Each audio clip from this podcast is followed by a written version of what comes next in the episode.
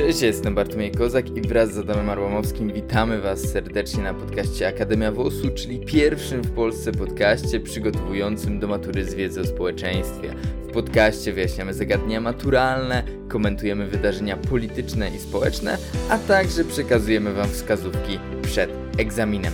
Miłego słuchania! Cześć wszystkim, e, witam w kolejnym odcinku podcastu Akademii WOS-u, e, w serii, gdzie polecam Wam e, różne twory kultury, jakie mogą przydać się podczas zdawania matury z wiedzy o społeczeństwie. Na początku tylko wyjaśnię, że cała ta seria jest zainspirowana mm, taką moją obserwacją, którą poczyniłem poprzez lata nauczania wiedzy o społeczeństwie i też własnych przygotowań do tej matury że jest to matura, która różni się od e, wszystkich innych e, w tym aspekcie, że e, premiuje się wiedzę taką spoza podręczników. To znaczy, Ucząc się do matury z wiedzy o społeczeństwie, e, warto oczywiście znać treści podręczników, warto znać postawę programową, warto być sprawny w rozwiązywaniu zadań, mm, ale poza tym należy mieć takie jakby bogate doświadczenie życiowe e, związane z obserwowaniem naszego społeczeństwa, e, regularnym oglądaniem programów informacyjnych, programów publicystycznych, czytaniem mądrych książek, znajomością powiedzmy jakichś badań opinii publicznej, znajomością podstaw powiedzmy statystyki związanych z analizą tych badań, podstawy geografii, e, zarówno Polski, jak i mapy politycznej świata. E, I właśnie, aby zrealizować e, ten wymóg, powiedzmy, dobrej znajomości świata ogólnie szeroko rozumianego, polecam Wam różne książki. E, dzisiaj jednak chciałbym to zmienić i polecić Wam, powiedzmy, materiały, które e, są współcześnie e, bardziej preferowane niż książki, mianowicie filmy. Bo jak się okazuje i jak będę przekonywał, również oglądanie mądrych, ambitnych filmów daje nam przewagę nad naszymi konkurentami, powiedzmy, w rekrutacji na studia podczas zdawania matury z wiedzy o społeczeństwie. To znaczy, e, oglądając ambitne kino, e, które mm, dotyczy, tematyki społecznej i poruszane jest w nim e, rzeczy, które mogą przydarzyć się na maturze, różne problemy współczesnego świata, mm, wiedza o społeczeństwie, prawda? to jesteśmy w stanie poprawić swój wynik, jeżeli właśnie takim kinem się zajmujemy. I pomogę Wam teraz, no, wprowadzę Was powiedzmy w ten świat E, ambitnego kina, którego jestem wielkim fanem, e, filmów dokumentalnych, e, takich, które mm, dotyczą współczesnego świata i według mnie mogą przydać się na maturze z wiedzy o społeczeństwie. Mm, po pierwsze przez to, że tworzą one wyobraźnię socjologiczną. To znaczy pomagają nam głębiej analizować społeczeństwo. Pokazują nam w jaki sposób myśleć o społeczeństwie, aby to było sprawne, poprawne i dawało nam w jakiś sposób przewagę w takich pytaniach e, otwartych. Mm, oczywiście te, fil te filmy najlepiej sprawdzą się w pytaniach e, wypracowania, gdzie musimy zrobić e, takim, taką dłuższą formę wypowiedzi, ładnie coś uargumentować, przedstawić. A po drugie, jako, to, jako że to są filmy dokumentalne, to dotyczą one faktów, tego co się dzieje na świecie. Znaczy, poznajemy inne kultury, poznajemy fakty, które następnie możemy zinterpretować albo wykorzystać po prostu mm, na maturze wiedzy o społeczeństwie. A więc chciałbym dzisiaj polecić dwa filmy, Obydwa to filmy dokumentalne i obydwa są filmami autorstwa e, takiego reżysera Erika Gandiniego. Eric Gandini e, jest to 56-letni reżyser z Włoch. Przede wszystkim e, jest on reżyserem raczej powiedzmy niszowym, e, niedocenianym, nieznanym, co dodaje całości chyba dodatkowego uroku.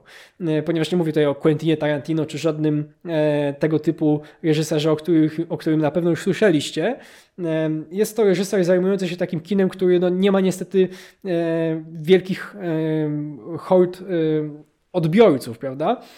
To znaczy jest to kino, które pojawia się raczej na ekranach e, kin studyjnych, takich bardziej ambitnych, raczej nie w Multikinie, nie w Cinema City, mm, a w kinach takich jak krakowskie e, kino pod baranami, e, przy, przy rynku głównym, albo kina, które pokazują filmy alternatywne, filmy takie ciekawe, takie, które nie są elementem kultury masowej. Eric Gandini z pewnością nie jest autorem dla mas, mm, a to dlatego, że jego filmy są E, dość powiedzmy skomplikowane, o tematyce takiej e, powiedzmy, która niekoniecznie zainteresuje przeciętnego e, oglądacza seriali typu Dlaczego ja, Szkoła i tak dalej, bo mamy tu do czynienia z taką naprawdę profesjonalną pracą nad fenomenami społecznymi. A więc, a więc jest to kino, które przyciąga raczej e, osoby dobrze wykształcone i mam nadzieję właśnie e, będzie przyciągało również maturzystów z wiedzą o społeczeństwie, którzy najczęściej są osobami oczywiście e, ambitnymi i dążą do tego, aby dobrze się orientować w tym, co się dzieje na świecie. A wydaje mi się, że Eric Gandini byłby właśnie bardzo ciekawym przewodnikiem po tym, co dzieje się aktualnie na świecie. Jego filmy to, to no, właściwie tylko i wyłącznie filmy dokumentalne o tematyce społecznej, czyli takie, które na maturę wiedzy o społeczeństwie będą idealne. Ja wybrałem dwa spośród jego filmów, które uważam, że są najbardziej trafne mm, e, pod kątem matury.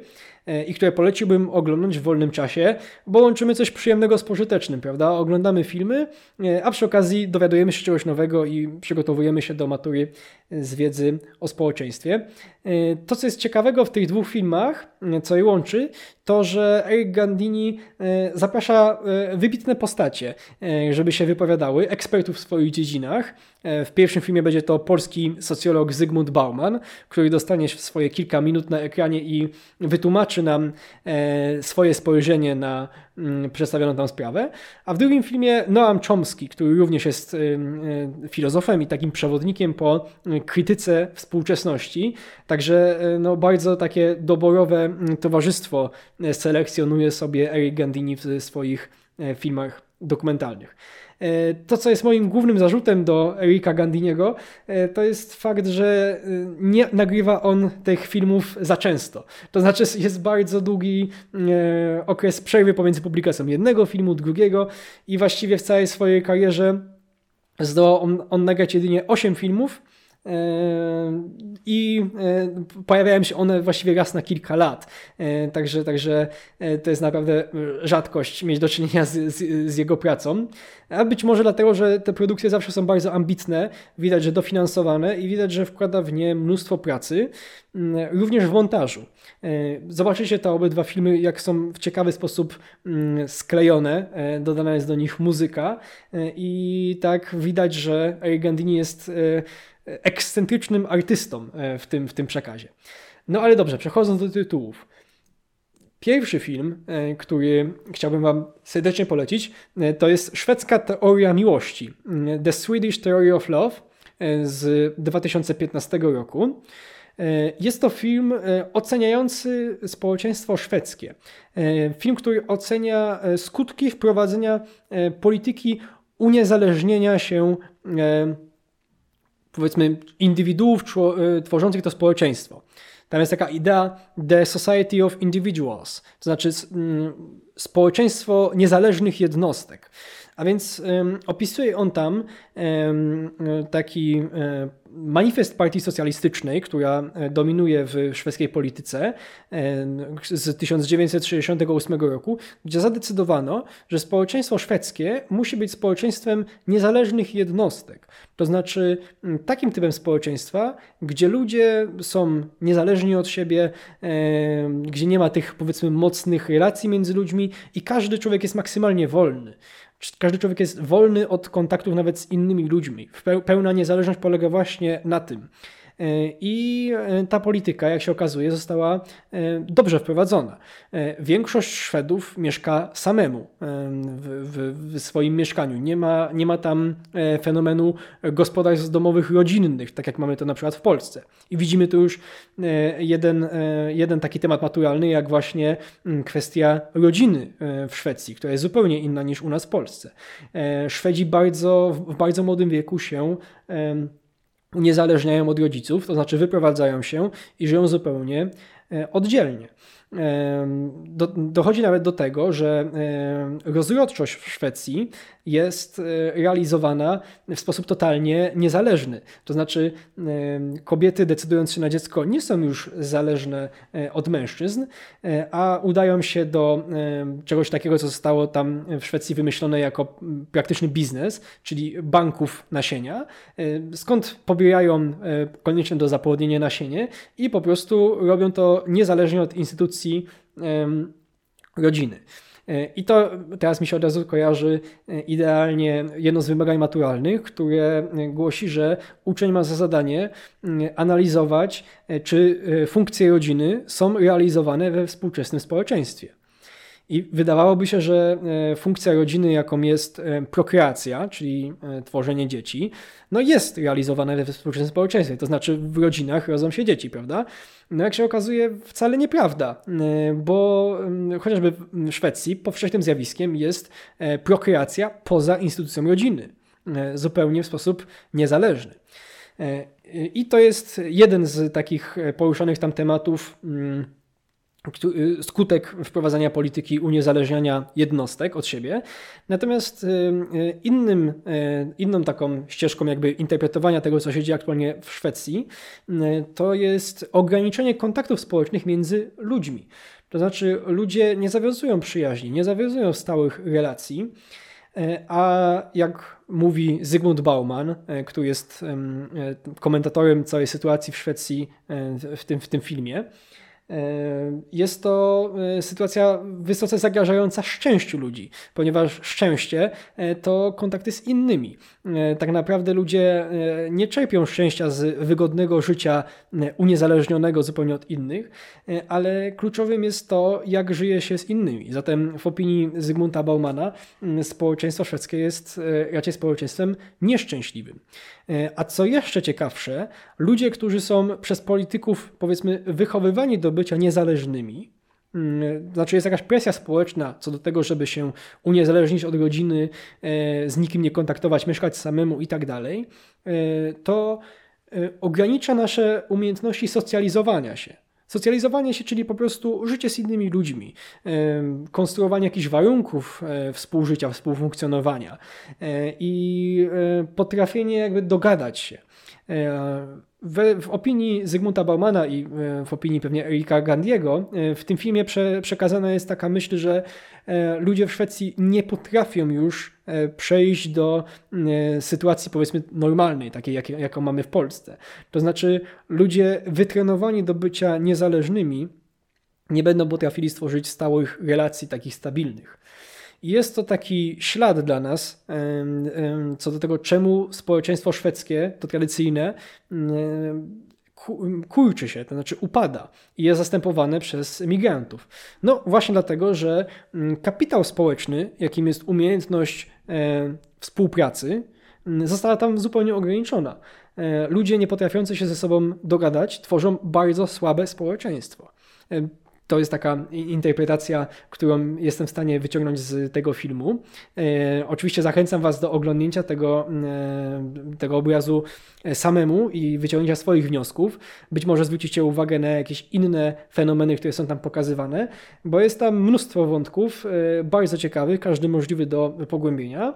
A jest na przykład taki poboczny wątek ludzi, którzy uciekają ze społeczeństwa szwedzkiego, tego społeczeństwa, które jest tak powiedzmy antyludzkie, znaczy przeciwko kontaktu, kontaktami międzyludzkimi mm, i szukają e, takich rzeczywistych, bliskich kontaktów opartych na miłości i, i e, takim no, współzależności, która e, w opinii Baumana jest dla nas właśnie czymś zbawiennym, czymś, co daje nam radość. A więc szwedzka teoria miłości. Film, który pokazuje, jak, inaczej, jak zupełnie inaczej można rozumieć miłość, podejście do miłości w Szwecji, do, do bliskich kontaktów międzyludzkich, a jak to mamy w Polsce. E, I teraz przechodzę do drugiego filmu, który chciałbym polecić. On wyszedł całkiem niedawno, akurat miałem okazję go oglądać podczas takiego festiwalu filmów dokumentalnych we wspomnianym już krakowskim kinie pod Baranami, takim ambitnym kinie studyjnym. Bardzo polecam wszystkim tym, którzy dostaną się na Uniwersytet Jagielloński i będą w Krakowie mieszkać, aby odwiedzić to kino i zapoznać się z takim alternatywnym repertuarem film, filmów, które nie pojawiają się w multiplexach, czyli tych kinach powiedzmy sprzyjających gustowi e, klienta masowego. E, a więc Świat po pracy. E, angielski tytuł to After Work. Film opublikowany w 2023 roku, również reżyserii oczywiście Erika Gandiniego. I to jest film o mm, współczesnym rynku pracy. Jest to film niesamowicie ambitny, ponieważ przedstawia różnorodność podejść do zawodu, na całym globie praktycznie. E, cały film zaczyna się od przykładu Koreańczyków e, z Korei Południowej, którzy mają powiedzmy takie psychiczne, mentalne problemy z pracą, to znaczy stają się oni zupełnie maszynami pracującymi. To znaczy ludzie w Korei spędzają w pracy po kilkanaście godzin, zupełnie nie żyją e, społecznie, tak można powiedzieć, że u nich nie ma czegoś takiego jak work-life balance, jest tylko i wyłącznie work. Mamy tam e, opisaną historię e, pewnego mężczyzny, który zupełnie zaniedbuje swoją rodzinę, a to dlatego, że mm, pracuje kilkanaście godzin dziennie, a jak wraca do domu, to tylko śpi i wraca do pracy i tak w kółko, co w końcu doprowadziło go do mm, jakby czegoś takiego, co mieliśmy do czynienia już w szwedzkiej teorii miłości, czyli wyzbycia się umiejętności socjalizowania się. Jeżeli człowiek spędza tyle czasu w pracy i z każdym dniem coraz więcej, e, to zatraca on nawet możliwość wyrwania się z tego e, błędnego okręgu e, i znalezienia radości w relacjach z innymi. E, tam jest informacja, że mm, dla tego człowieka praca jest wszystkim, praca jest jego tożsamością. Albo inaczej mówiąc, bez pracy byłby nikim. Nie ma tożsamości poza pracą.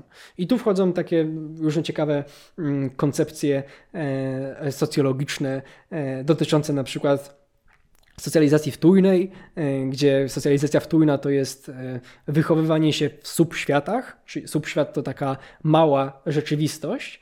Na przykład mamy sub, subświat zawodowy, czyli miejsce pracy, mamy subświat rodzinny, e, świat, subświat powiedzmy jakiegoś klubu sportowego, do którego należymy. No i ten człowiek zamknął się tylko w jednym świecie i nie jest w stanie już migrować między nimi, przez co jego życie jest jednolite, nudne mm, i e, no powiedzmy niewartościowe z takiej naszej europejskiej e, perspektywy. Zupełnym przeciwieństwem Koreańczyków e, w obrazie filmu Światło Pracy są Włosi. Otóż ten film zapoznaje nas z taką kategorią NEET, czyli z angielskiego tłumacząc Not in Employment, Education or Training, czyli ludzie niezatrudnieni, nie szkolący się, e, ani nie uczący się. E, jest to mm, kategoria e, ludzi, którzy w życiu nie zajmują się niczym poza zabawą. Czyli są dokładnym, dokładną odwrotnością przykładu Koreańczyka. Włosi, właściwie młodzi Włosi, to chyba, jeśli dobrze pamiętam z filmu, 30, w 30% młodzi Włosi są uczestnikami kategorii NEET, czyli nie pracują, nie szkolą się, e, nie edukują się, e, w życiu zajmują się tylko i wyłącznie zabawą. E, I to też wydaje się być raczej krótkowzroczne i nie prowadzące do niczego dobrego, ponieważ no, praca wydaje się raczej istotnym elementem życia i mm, społeczeństwo złożone z ludzi, którzy nie potrafią pracować i nie muszą powiedzmy tego robić, też może się mm, doczekać różnych problemów. Takim wyjaśnieniem e, z tego filmu, dlaczego aż 30% młodych Włochów jest w stanie mm, nie pracować, nie kształcić się, ani właściwie nic nie robić poza imprezowaniem, jest fakt, że mm, Włosi są stosunkowo bogatym narodem i to bogatym narodem, który jest bardzo mało dzietny.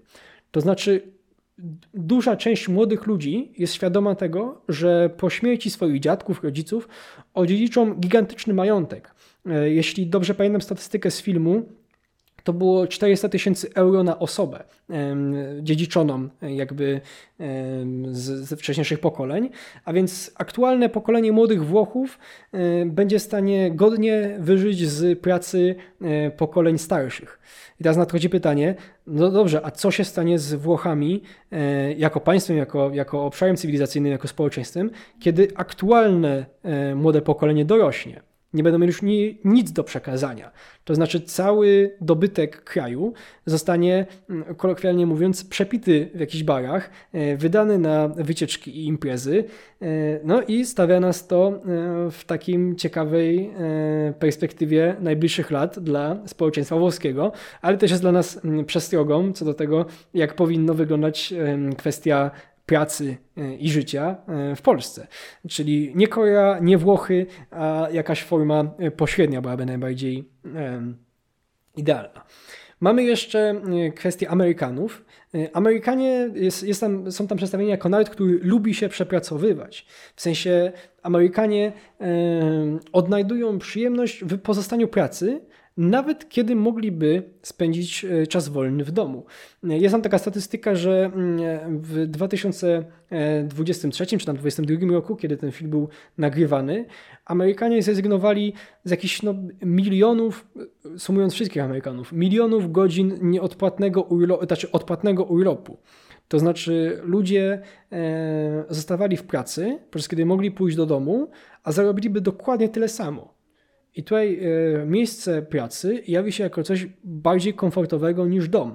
E, co też sugeruje, że Ameryka być może idzie w stronę e, Korei, co być może polepszy ich status ekonomiczny, być może polepszy mm, statystykę produktu krajowego brutto per capita, czyli sumę wypracowanych dóbr przez jednostkę tworzącą społeczeństwo ale jednocześnie stworzy społeczeństwo e, no, dysfunkcyjne, społeczeństwo, które nie będzie w stanie przekazywać swojej kultury, bo będzie zajęte pracą, nie będzie w stanie cieszyć się z życia, bo będzie zajęte pracą e, i tak dalej. Także no, zobaczcie, jakie ciekawe tutaj perspektywy buduje nam film Świat po pracy e, autorstwa Gandiniego. Takim najbardziej chyba szokującym przykładem z tego filmu są Kuwejtczycy, Kuwait jest bardzo bogatym państwem, które zarabia e, no, z faktu posiadania po prostu ropy naftowej i możliwości e, odpowiedniego handlowania nią. Także właściwie Kuwaitczycy nie muszą pracować, e, bo państwo mogłoby ich utrzymać. Tam nie ma czegoś takiego jak podatki, jest odwrotność. Państwo płaci swoim obywatelom za, za sam fakt bycia obywatelem. Ale politycy podeszli do tego w inny sposób.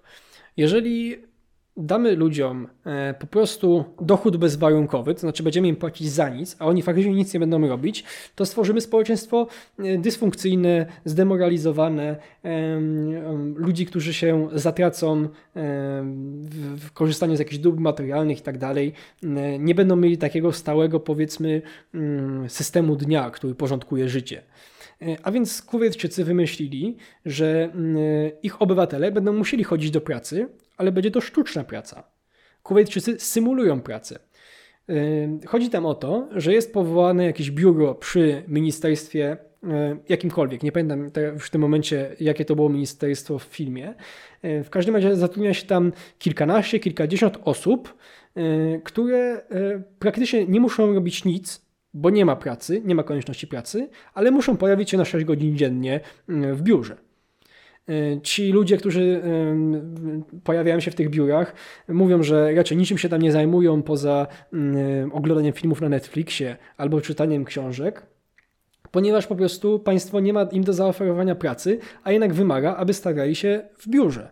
E, no jest to e, taki mocny paradoks, bo jest zupełnie no, przeciwko normom związanym z gospodarką kapitalistyczną, gdzie no, bez sensu jest płacić za niepracowanie a okazuje się, że z takich głębszych przyczyn e, mm, socjologicznych e, e, opłaca się ludzi zamykać w biurach na 6 godzin dziennie, aby ustalić im chociaż taki, taką najbardziej podstawowy system dnia, aby nie zatracili się oni w pełni w mm, wydawaniu pieniędzy, które Kuwait zarabia z sprzedaży ropy naftowej.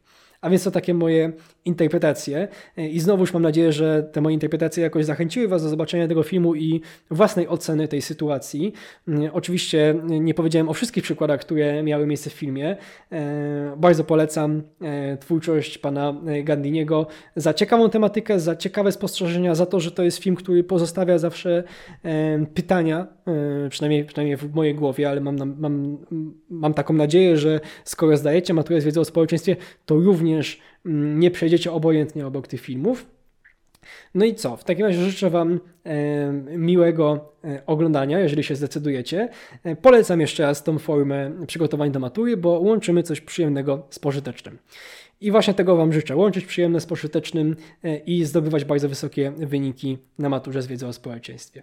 Do usłyszenia w następnym odcinku. Pa, pa.